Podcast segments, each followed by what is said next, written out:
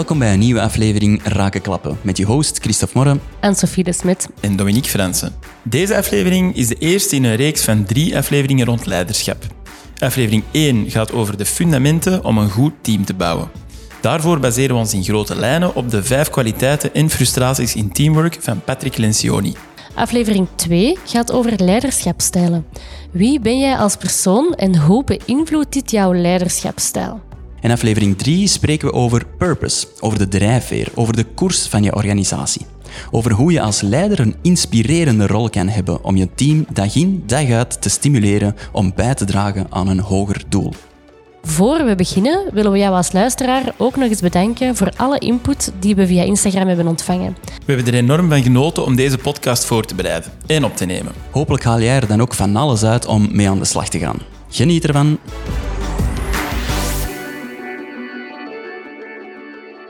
Een reeks, waarom? Omdat we eigenlijk heel veel te vertellen hebben over dit onderwerp. Dat is echt een passie van ons. En we vonden het wel interessant om het eigenlijk in drie te splitsen, in drie behapbare stukken te splitsen. En we hadden eigenlijk al een aanzet gegeven een aantal dagen of weken geleden op onze social media met een aantal vragen. En er zijn eigenlijk heel veel statements over teruggekomen en dat was eigenlijk wel heel plezant. Ja, wat er interessant aan was, is dat eigenlijk we dachten aanvankelijk dat we gewoon, we hebben drie vragen gesteld en dat we drie verschillende podcasts zouden doen over die drie specifieke thema's. Maar toen we dan jullie input bekeken, dan kwamen we er eigenlijk heel snel achter dat bijvoorbeeld de statements over wanneer leiderschap faalt, tegenover uh, wat is inspirerend leiderschap voor u, dat die eigenlijk heel hard over hetzelfde gingen. Misschien niet verrassend, maar voor ons wel interessant om te zien. Het interessantste dat er eigenlijk uitkwam was één statement specifiek. Wanneer faalt leiderschap? Wanneer een bedrijf plotseling hard gaat of moet groeien. Waarom is dat interessant? Ja, organisaties die hard moeten of aan het groeien zijn, ja, dat brengt veel stress mee, onvoorspelbaarheid, gepercipieerd risico. Want ja, die omzet die moet meegroeien met het aantal mensen dat er zijn aangenomen, rollen en verantwoordelijkheden die beginnen te stretchen, uh, die beginnen te overlappen, visie en cultuur komen onder druk te staan, want eerste cijfers. Hè. Dat zou het idee kunnen geven dat, ja, omdat we zo aan het groeien zijn, dat je een soort van ademruimte moet geven aan jezelf als organisatie. Nu moet je even bezig zijn met het resultaat. Alleen is dat, wat mij betreft, en ja, jullie ook, want ik zie jullie knikken, is dat nu net het moment om eens zo hard stil te staan bij leiderschap. Want nu groeit de organisatie ofwel scheef ofwel recht. Het is een beetje te vergelijkbaar eigenlijk aan groeipijnen. Hè? groeit heel hard op een bepaalde leeftijd en als je scheef groeit, dan heb je later scoliose. Hè? Ja, voilà, dus dan moeten de juiste dingen doen. Hè. Um, dus het gaat echt over investeren in de lange termijn door er nu mee bezig te zijn. Terwijl dat korte termijndoelen en branches, ja, die vragen om hun aandacht, maar die belemmeren dus ook je lange termijnzicht. Ja, en op die manier lijkt het ook alsof dat die korte termijndoelen en branches op dat moment heel belangrijk zijn. En dan wordt het ook gewoon heel laagdrempelig om daarop te focussen. Voilà, dan zijn we goed bezig. Voilà, dan zijn we goed bezig. Nu, die nadruk die lijkt dan zo'n beetje te liggen op resultaat en waarom dat we het niet halen.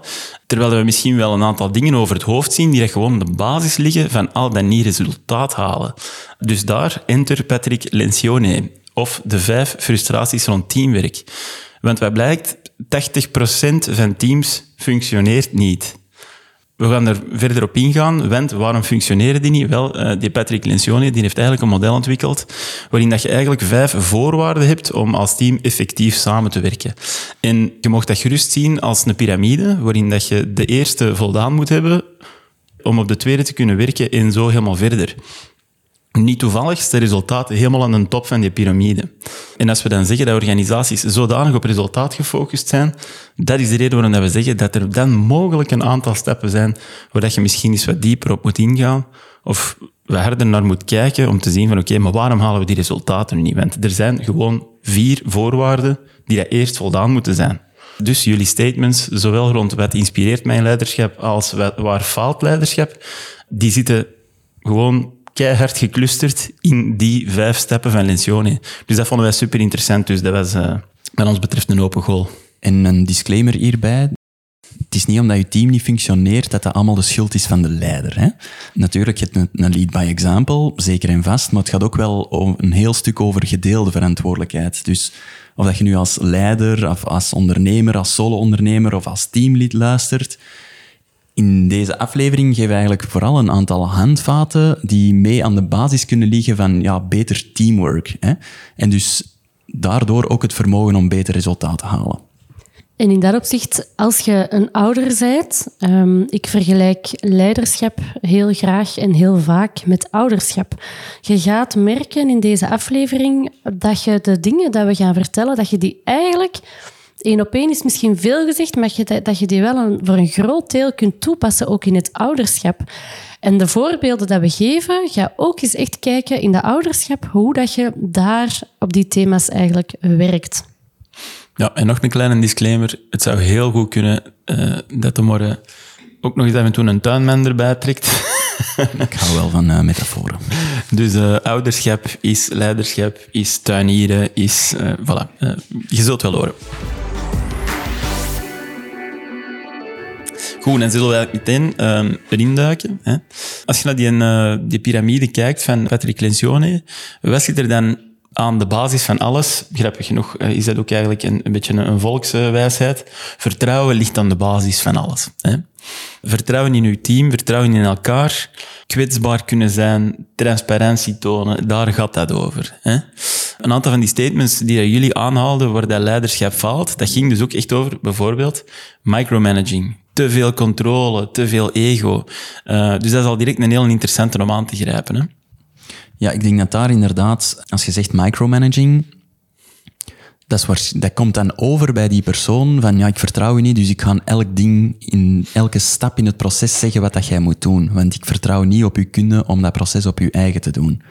Dus dat is, heel vaak geeft dat een verkeerd signaal. Hè? Of je begint misschien als leider te micromanagen, omdat je de persoon niet vertrouwt. En dat is wel een belangrijk om te zeggen, ja, maar is, heeft die persoon wel mandaat gekregen om die taak zelf te volbrengen?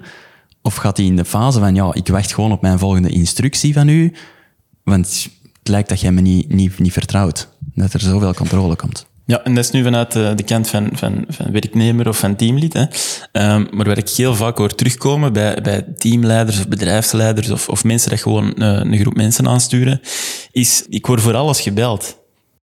Eigenlijk elke beslissingsbevoegdheid die komt bij mij terecht. Ik moet precies de hele tijd alles zelf doen. Dan is bij mij heel vaak de vraag, ja oké, maar bellen ze u omdat jij ook altijd gewoon een antwoord geeft op hun vragen? Of zou het ook omgekeerd kunnen zijn, dat je misschien eens meer stept naar dat reflectiestuk. Hè? Dus wanneer die met mij iets afkomt, dat je al eens vraagt van oké, hoe zou jij het oplossen? Of beter, het gewoon teruggeven. Hè? Ik zal wel even de link leggen naar ouderschap. Als uw kind niet weet hoe dat hem de puzzel moet leggen, ga jij de puzzeltjes goed steken en de puzzel voor hem maken of haar maken? Of ga je zeggen van, hoe zou je het oplossen? Misschien moeten we dat stukje eens proberen, draai het eens om. Wat staat er op dat stukje? Lijkt dat op iets dat je op de puzzel ziet liggen? Ja, klopt. In dat opzicht kun je vertrouwen op twee manieren zien. Je kunt vertrouwen enerzijds in als vertrouwen geven aan iemand in je team, of in uw geval aan uw kind. Maar ook, wat is het effect van vertrouwen geven aan iemand op die persoon? Want als die persoon vertrouwen krijgt, dan gaat hij ook zich meer gaat hij ook meer zelfvertrouwen gewoon gaan krijgen. En dat is een heel belangrijke, omdat die één op één gelinkt zijn. Hoe vaak dat ik in coaching merk dat mensen een negatief zelfbeeld hebben of zich onzeker voelen in hun werk, gewoon omdat ze niet het vertrouwen krijgen om dingen te kunnen doen. En vanaf dat zij die, dat vertrouwen krijgen en daar de autonomie rond krijgen, dan zetten die gewoon tien stappen vooruit. En voelen die zich veel sterker. Concreet, hoe kunnen we vertrouwen boosten in een team?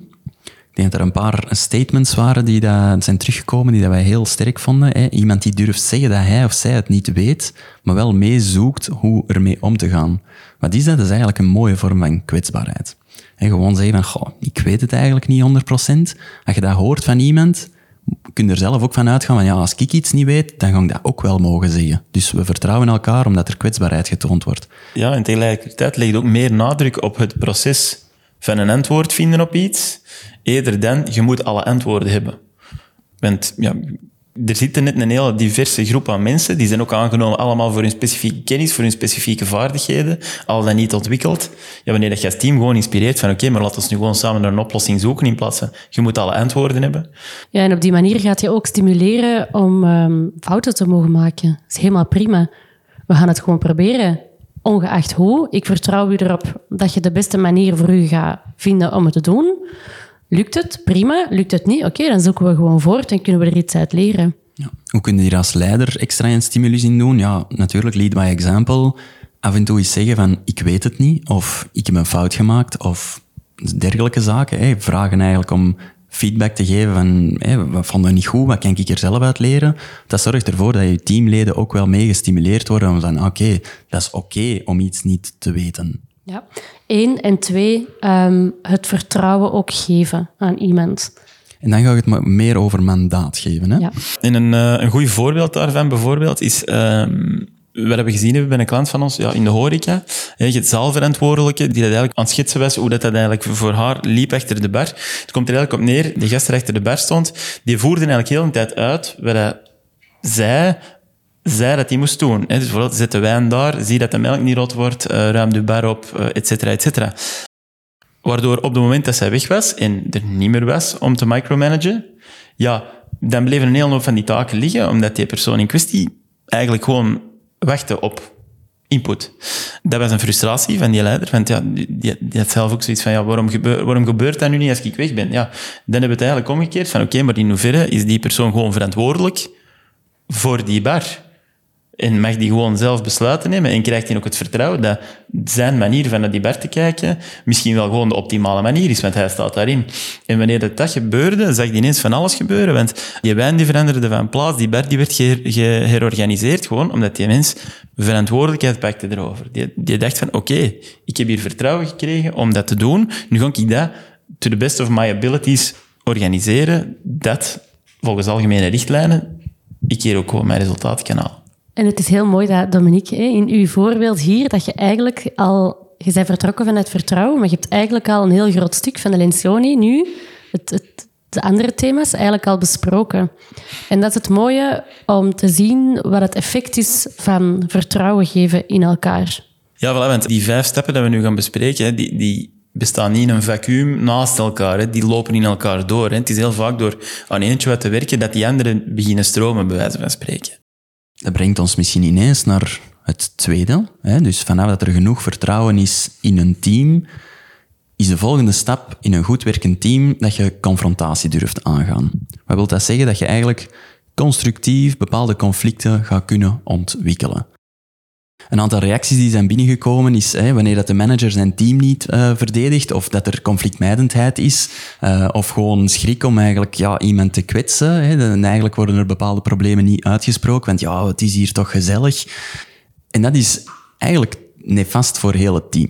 Want er gaan misschien bepaalde zaken zijn die dat iemand niet goed doet of dat beter kan. En jij hebt misschien wel de oplossing, maar je durft het eigenlijk niet te zeggen, want dan wil dat misschien wel zeggen van ja, je bent het niet goed aan het doen en je hebt er misschien schrik voor om ja, of je, die persoon te of, of je hebt zelfs niet per se de oplossing, maar je ziet gewoon van, dit werkt niet. Laat ons kijken hoe dat wel werkt, maar dat moet benoemd worden. En heel vaak blijft het daar dus uit. Mm dat, dat worden we ook heel vaak terugkomen. Dat is ook een, een heel pertinente vraag die wij vaak stellen binnen cultuur. Voor de lieve vrede te behouden worden omstreden uh, problemen niet benoemd.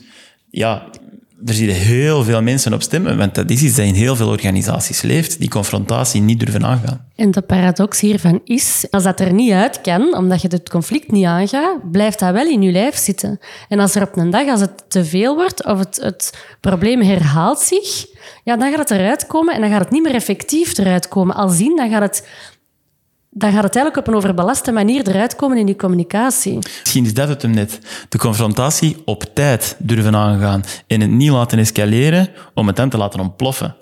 Uh, want dat is iets dat we dan ook vaak horen van ja, ja, maar op den duur, ja, spreekt er wel uit. Maar dan is de vraag of dat nog uitgesproken wordt of op een zeer onconstructieve manier zijn weg vindt. Hè? En ehm. dan gaat je, als dat niet constructief gaat, dan gaat je weer aantasting hebben op dat vertrouwen, het thema van de juist. Want je kent die uitspraak misschien of misschien niet. Vertrouwen komt te voet en vertrekt te paard. Dus als er een confrontatie te lang niet, als, als iemand te lang niet gaat uitspreken waar je mee zit, dan gaat dat ervoor zorgen dat het niet effectief is. En dus dat je terug naar een onveilige situatie kunt komen. Waar je dat vaak hoort terugkomen, is wanneer het gaat over evaluatiemomenten. Vaak blijven die te lang uit. Hè? Dus dan is er één keer op het jaar een evaluatiegesprek. en in de, ja, de minst positieve situaties worden die momenten net gebruikt om alles dat een jaar lang gestoord heeft nu eens even te bespreken. Ja, dat is een moment waarop dat vertrouwen gemakkelijk uh, geschaad kan worden. Ja, omdat één, binnen een cultuur waar je goed feedback geeft, zouden we zo'n dingen nooit mogen opsparen tot dat moment. Want dat zijn ook momenten waarop de andere mensen misschien net hun verwachtingen gaan uitspreken over loon, of gaan uitspreken over waar ze naartoe willen in de organisatie. Maar dat dan nog eerst een hele nimmer moet uitgekapt worden van van alles en nog wat dat heel het jaar gestoord heeft, ja, dat is echt een, een, een signaal dat de organisatie eigenlijk niet durft spreken op het moment dat moet. En dat die confrontaties dus gemijd worden. Ja, en ik denk dat, dat wat je zegt, dat dat iets cultureel is. Stel dat je met een collega bent aan het bespreken van iemand anders, dan zeg je, ja, maar zeg je nu gezien dat hij dat doet? Dat is toch niet goed, hè? Dat is de, confrontatie wordt niet aangegaan, maar er wordt wel over gesproken. Ja, eigenlijk ondermijnt dat het vertrouwen onderling, omdat je denkt van, ja, maar wacht, wij zijn dit nu aan het bespreken, maar wie bespreekt er nog andere dingen zonder het mij misschien te zeggen? Wanneer wordt het mij gezegd als ik een fout maak? Kan ik hier wel iedereen vertrouwen als, er, als ik een fout maak dat het wordt gezegd of niet? Dus zelf onderling, als je, dat, niet over u gaat, of niet dat jij de confrontatie niet kunt aangaan, maar onderling collega's die zoiets bespreken, dat ook enorm de veiligheid aan. Ja, en dan komen we eigenlijk terug bij wat aan Sofie er juist aan het schetsen was, van ja, soms zijn dingen gewoon heel duidelijk, dat dingen niet werken. Maar doordat die niet benoemd worden, gaan dus ook anderen dat beginnen zien. En dan wordt dus ook vaak de leider in vraag gesteld van, ja, maar hoe kan dat nu? Bijvoorbeeld uh, dat die persoon duidelijk aan het underperformen is, dat hij precies heel dag niks zit te doen, bij wijze van spreken. En wij moeten hier allemaal wel verder. Dus waarom wordt dat gesprek niet gevoerd? Want dat is het ding net. Zo'n dingen bestaan ook nooit in een vacuüm. Hier ben ik weer. Maar het is heel belangrijk om te weten dat wanneer dat jij iets voelt bij een ander, dan gaan anderen dat waarschijnlijk ook voelen en gaat die persoon zelf dat misschien ook voelen. Um, dus in feite is die confrontatie al aan de gang voordat je ze zelfs maar benoemt. En daarom dat het zo belangrijk is om dat gewoon op tijd te doen. En nu lijkt het erop alsof dat alles echt tot een conflict moet leiden, maar soms kan het negatieve gevolg van geen confrontatie durven aangaan ook gewoon zijn dat teamleden klein blijven en dat je dus als leider heel veel dingen gewoon zelf gaat moeten blijven oppakken omdat die geen leermoment krijgen. Een voorbeeld is wanneer er onder hoge tijdsdruk bijvoorbeeld uh, een voorbereiding gebeurt door een teamlid, de manager die krijgt dat op zijn bord, die ziet van oei, dat is slecht, dat is niet juist, uh, die conclusie is fout, weet ik veel. En dat die manager gewoon door voor de tijdsdruk of voor de gepercipieerde kwaliteit gewoon zegt, ik zal het wel rapper schrijven en ik stuur het door en we zijn er vanaf, zonder terug te koppelen van zeggen dat, dat, dat en dat kon wel echt beter.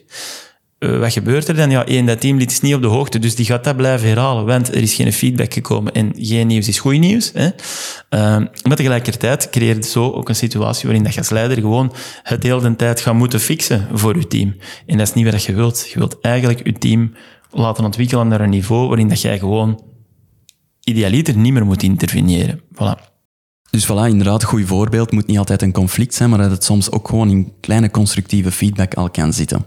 Dat zorgt ervoor, als je die veiligheid hebt en dat je confrontatie durft aangaan, dat je naar eigenlijk de volgende stap in de piramide durft gaan of kunt evolueren als team, zijnde van de betrokkenheid van iedereen. En hoe gaat je die betrokkenheid extra stimuleren van iedereen? Door eigenlijk iedereen toe te leggen op een gemeenschappelijk doel. En echt van mannen, daar gaan we samen naartoe paar statements uh, die over inspirerend leiderschap gingen.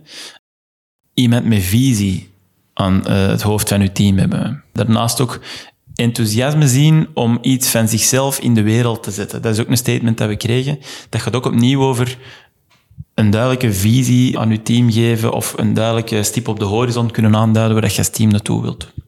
Dat zie ik ook heel erg terugkomen, deze in uh, coaching, één op één coaching, omdat we daar ook altijd gaan werken um, rond het thema, oké, waarom werkt je of wat vind je belangrijk in je werk? En wat ik heel hard opmerk is dat de generatie van vandaag, dat die echt nood hebben in een organisatie aan visie en, en toekomstperspectief. En, en dan ze, bedoel ik niet in doelen, hè, maar echt gaan kijken naar wat kunnen wij nu in de wereld zetten? En waar kunnen wij nu het verschil in gaan maken? Zowel in organisaties, maar ook solo-ondernemers zijn daar vandaag enorm mee bezig. En als dat er niet is, of als ze zich niet zinvol voelen in wat ze aan het doen zijn en waar ze naartoe gaan, dan daalt die motivatie bijna één op één. En dat is iets dat ik uh, heel opvallend vind, vooral de laatste drie, vier jaar, dat dat meer en meer belangrijk wordt. Ja, ik denk dat het belangrijke hier is dat het, dat het een gemeenschappelijk doel is. Hè. Niet per se je eigen doel van, nou ja, ik heb hier hoeveel klanten binnengehaald, maar hè, voor de rest, nee, die gemeenschappelijkheid van elkaar en te zien van, oké, hoe kan ik mezelf in de beste manier gaan, uh, ontwikkelen om daar het beste aan bij te dragen, dat dat een superbelangrijke is uh, daarin. Ja, en ik denk dat hier iemand uh, met de statements het ook goed heeft gezegd. Wanneer faalt leiderschap, wanneer er iets wordt opgelegd bij mij, in plaats van dat ik geïnspireerd word om ermee aan te werken. Dat is de essentie van betrokkenheid. Hè? Dat mensen eigenlijk gewoon echt intrinsiek gemotiveerd zijn om het doel te verwezenlijken. Ik denk een goed voorbeeld daarvan is, is een, een, een, klant van ons waar wij een heel traject mee hebben gedaan. Uh, die zijn ondertussen van naam veranderd. Dat ging van Jeff Peters bouwen renovatie naar Carson ja, die voelden heel sterk dat ze super hard waren aan het groeien. Hè. Dus dat is hè, een gevaar um, voor, voor, voor team en leiderschap en dergelijke. En hier hebben eigenlijk ze enorm veel betrokkenheid van hun teamleden kunnen aanwakkeren door heel duidelijk een bepaalde visie vooruit te stellen en heel duidelijk te benoemen van waarvoor willen wij als Carson staan. Wij willen voor topkwaliteit staan, wij willen voor in het hoger segment, wij willen een niche zijn, wij willen onze processen volledig kunnen uitpuren en, en onderscheiden van, van anderen. En dat werkt enorm wervend, hè? dat mensen zeggen van ja, hier wil ik echt aan bijdragen. Hoe betrokken kun je je voelen? Zeggen van ja, dit is exact waar, ik, waar ik voor, voor wil gaan. Ja, en sterker nog, ja, um, misschien is het soms ook gewoon niet zo, maar dan is dat ook duidelijk. Hè? Het doel van dat soort dingen, van visie, is gewoon dat je ook gelijkgezinde aantrekt. En dat je mensen die dat aan dat specifieke ding willen bijdragen, dat die bijna als vanzelf naar u toe komen. Je kunt dat eigenlijk een beetje bekijken als hoe word je aangetrokken tot iets? Is dat met je hoofd of is dat met je buik? En is dat hey, hoofd is dan bijvoorbeeld aangetrokken worden door extrinsieke dingen, oh, goede loon of een goede um, Terwijl dat het hier echt gaat over waar voel ik echt dat ik mee aan wil werken. Dat zit veel dieper. Dat is een veel gelaagder iets dan dat oppervlakkige zijn de extrinsieke motivatoren. Ja, en dat is iets dat we ook gewoon letterlijk zien uh, in, uh, in trajecten die we doen bij klanten. Hè. Uh, bijvoorbeeld nu recent, hè, gewoon omdat we bezig zijn met cultuur, met een visie voor een organisatie te formuleren, hebben we een teamlead gehad dat in een individuele coaching tegen ons zei van ja, kijk, ik was eigenlijk van zin om stilletjes aan iets anders te gaan zoeken. En gewoon door deze oefeningen, omdat we bezig zijn met die visie, daar wil ik eigenlijk echt aan bijdragen en daarom blijf ik. En dat brengt ons eigenlijk bij het volgende. En dat is het mijden van verantwoordelijkheid of verantwoordelijkheid nemen. Dat gaat eigenlijk over accountable zijn. Wat wil dat zeggen? Dat je ehm, zelf je verantwoordelijkheden gaat nemen, of dat de beloftes dat je maakt, of de verantwoordelijkheden dat je hebt, dat je die neemt. En als je die om een of andere reden niet kunt nemen, of als je op, om een of andere reden er misschien een fout in hebt gemaakt, of wat dan ook, dat je daar ook hier dat benoemt, of dat je daar ook oplossingen voor gaat zoeken, of dat je, je verantwoordelijkheid er gewoon voor gaat nemen dat gaat ook heel hard over betrouwbaar zijn. En je zou denken, ja, dat heeft met ten eerste te maken uh, vertrouwen, maar dat, dat, is in C niet zo. Uh, betrouwbaar zijn ten opzichte van uw team wil zeggen, ik zeg wat ik ga doen en vervolgens doe ik ook wat ik gezegd heb. Dat hoor ik heel vaak terugkomen in teamsessies, dat dat, dat een hoog geprezen eigenschap is van mensen wanneer dat ze zeggen, ik leg iets bij u neer en eigenlijk weet ik, ik moet daar niet meer naar terug omkijken en ik weet dat dat gedaan gaat zijn en dat dat ook to the best of your abilities gaat zijn. Dat geeft keihard rust, hè? Voilà, dat geeft rust, maar tegelijkertijd geeft dat ook in je team het idee dat iedereen gewoon zijn rol vervult hm. en vooruit gaat. Ik denk dat een hele belangrijke hierbij is, we hebben het heel veel over onze eigen verantwoordelijkheid en dergelijke, maar een heel belangrijke hierbij is ook dat je elkaar accountable houdt. En dat je dat ook uitspreekt. Hè? Want het is veilig genoeg, je durft de confrontatie aangaan en iedereen is betrokken om samen aan het hogere doel te werken. Tja, je hebt dat niet gedaan. Hoe komt dat? Je, je zit al op dat niveau om dit te kunnen bespreken. Dus elkaar daarover aanspreken. En dan kunnen zeggen, van zeg, je hebt dat niet gedaan, dat is helemaal niet oké. Dan gaat een beetje het conflict aangaan vanuit die overbelasting en dat oordeel. Dus dat gaat niet zo effectief zijn. Maar hier is het gewoon echt super interessant om te gaan kijken van oké, ik zie dat je die verantwoordelijkheid niet hebt opgenomen of ik zie dat dat niet gebeurd is. Oké, wat scheelt er? Hoe komt dat en hoe kan ik u helpen? En um, om nu wat specifieker te gaan, verantwoordelijkheid nemen, dat gaat ook over bijvoorbeeld als manager uw team verdedigen op momenten dat het belangrijk is. Op momenten dat uw team om gelijk welke reden ook iets niet heeft kunnen afleveren of een doel niet echt gehaald of weet ik veel wat, dat je als manager dan wel er voor je team gaat staan. En dat je echt zegt van, we gaan er naar kijken, maar mijn individuele teamleden die moeten hier niet opdraaien voor de fout dat we als team hebben gemaakt. Dat is ook uw verantwoordelijkheid nemen. Wat is het effect als dat niet gebeurt? Dan verliest je team vertrouwen. Hè. Dus dat, ook daar zie je weer, hè, wanneer dat je op een hoger niveau in die piramide dingen misdoet, dat impacteert gewoon de niveaus daaronder terug. Uh, dus het is, het is een heel delicate balans dat je moet houden. Het is een koord dat je opdanst. Dus denk ook niet dat je dit gewoon allemaal altijd helemaal juist kunt doen. Want dit, dit illustreert dat ook gewoon weer. Hoe, wat voor een slappe koord dat dat soms is dat je op danst. Het gaat er ook niet over dat je dit allemaal um, strak moet houden. Het gaat eerder over als je dat weet en je bent je daar bewust van, dat is al heel veel. En dat kun je al enorm grote stappen in nemen. Dat is eigenlijk het belangrijkste. Een hele belangrijke is hier dus inderdaad ja, fouten kunnen toegeven en die zelf ook ownen. Hè. En niet zitten wijzen naar iemand anders van ja, maar dat is de reden dat we dat niet hebben kunnen doen. Nee, misschien was dat echt gewoon echt uw verantwoordelijkheid. En misschien heb je wel de neiging om eigenlijk de vinger te wijzen naar iemand anders, omdat er misschien niet 100% veilig is, maar soms wijs je de vinger naar iemand anders, maar terwijl ze eigenlijk drie vingers naar je eigen aan het wijzen. En misschien moet je eens even nadenken van shit, ben ik hier wel accountable genoeg? Of voilà, wat is mijn aandeel hierin? Hè? Ja. Voilà, inderdaad. Bijvoorbeeld, als je de vinger wijst naar iemand van je hebt die taak niet gedaan, wat we bedoelen met je eigen aandeel, dan gaat het erover van, het kan zijn dat als je daarover gaat reflecteren van wat is mijn aandeel, dat je gaat denken, hmm, misschien heb ik die ook niet goed gebriefd. Misschien was niet alle info duidelijk. En dat bedoelen we met eigen aandeel. Oké, en dan, uh, dan kunnen we stilaan naar thema 5. Dus als er genoeg vertrouwen is in elkaar in een team, en wanneer we confrontatie durven aangaan, wanneer het de betrokkenheid van de teamleden hoog is en iedereen zijn verantwoordelijkheid neemt, dan kunnen we gaan spreken over resultaat. En resultaat is eigenlijk um, degene waar de meeste organisaties, of toch de meeste klassieke organisaties, vaak hetgene is waar er het meeste aandacht aan besteed wordt zonder de onderste lagen van de piramide genoeg aandacht te geven. En dan is van, lee, waarom werkt dat hier nu niet? En dat creëert frustratie. En heel terecht natuurlijk. Maar dus dat is de oefening die we krijgen na deze podcast. Ja, of als er um, in het team heel veel focus wordt gelegd op resultaten, maar mensen zijn niet mee. En mensen weten niet waarom dat ze de dingen moeten doen. Voilà, ja. Want dus je kunt zeggen, wat is ons gemeenschappelijk doel? Waar willen we aan bijdragen? Maar ook, wat betekent dat voor individuele rollen in het team? En hoe kunnen individuen gaan bijdragen aan dat resultaat? En bij resultaat is het vooral belangrijk om aandacht te hebben voor het gezamenlijk resultaat en niet per se op individuele resultaten. Bekijk naar een voetbalploeg, ik ben nu naar die Ted Lasso aan het zien. Je hebt daar ene spits die daar heel veel goals scoort, maar eigenlijk is het hele team daar niet mee gediend en die gaan toch degraderen. Totdat die één persoon eigenlijk, hè, die daar door ego en zo en veel zelf willen scoren, eruit gaat, dan gaat heel dat team eigenlijk veel beter performen, omdat die ineens veel gezamenlijker aan een resultaat zijn aan het werken en iedereen vanuit zijn sterkte daaraan kan bijdragen. Dus dat gezamenlijke hier is een hele, een hele belangrijke.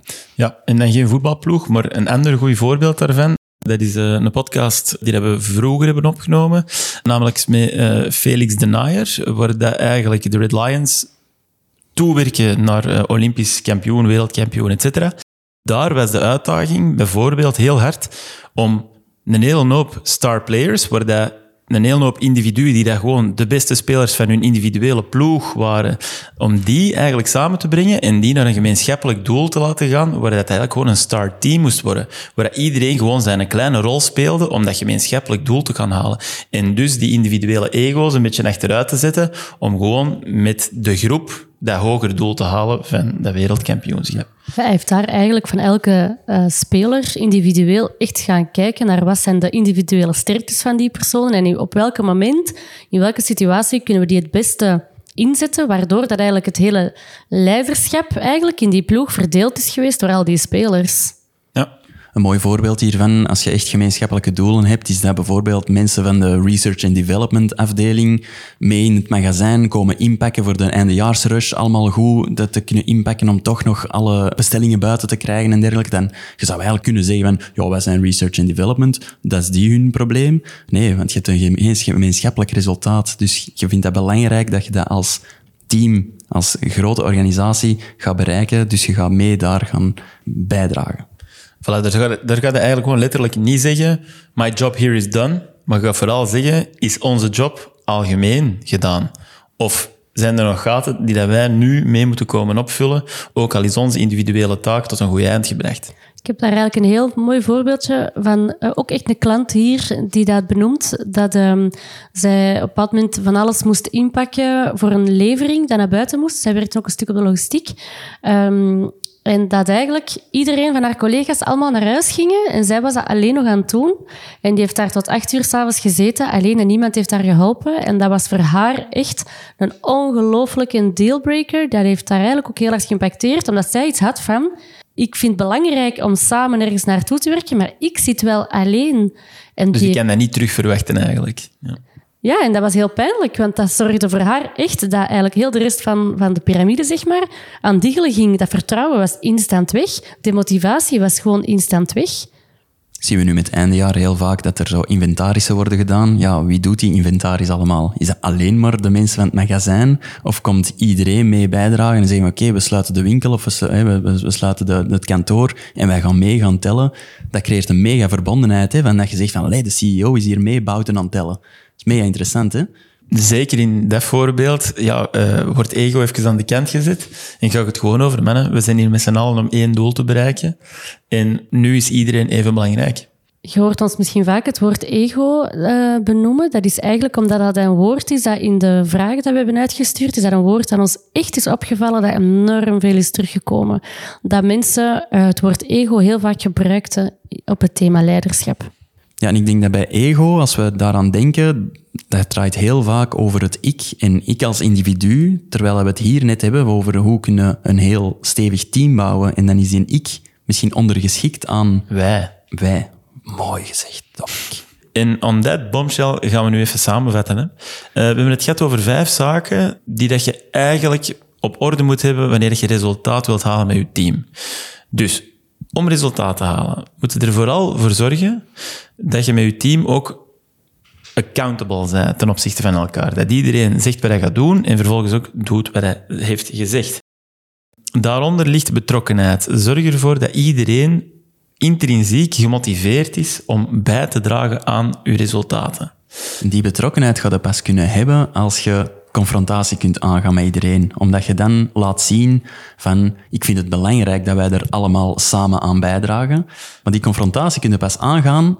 Wanneer dat je vertrouwen hebt op elkaar en wanneer er een veilige omgeving is in je team om die confrontatie in aan te kunnen gaan. Dus dit zijn eigenlijk alle zaken dat je kunt doen om samen met je team te kunnen groeien naar gemeenschappelijke resultaten. Daar hebben we dus vandaag op gefocust. En in de volgende aflevering gaat je echt kijken wat u als leider uniek maakt, wie dat je zij als leider, wat je communicatievoorkeuren zijn enerzijds en twee, wat de impact daarvan is op je leiderschap en op je relaties met je team. Voilà, dus we hebben een hele hoop dingen gezien uh, vandaag waar dat jullie van zeiden dat jullie ofwel inspireert uh, binnen leiderschap, ofwel waar de leiderschap valt. Uh, hopelijk hebben deze vijf zaken voor jullie een beetje duidelijkheid gebracht. Nu, uh, stel dat dat niet zo is, of wanneer je meer specifiek erop wilt ingaan, uh, je kunt ons uiteraard altijd contacteren voor een vrijblijvend gesprek. Bedankt om te luisteren en tot de volgende aflevering. Bye. Bye. Bye bye. En zo zijn we weer aan het einde van deze aflevering. Wat vond je ervan? Laat het ons gerust weten. En als je het de moeite vond, houd u vooral niet in om het te delen met mensen. Je mag ook altijd een review plaatsen over Rakenklappen. Zo kunnen hopelijk nog meer mensen deze leerrijke babbels ontdekken. Heb je nog vragen of opmerkingen? Let us know. Op Instagram kan je ons vinden onder koers.team. Bedankt om te luisteren en tot de volgende.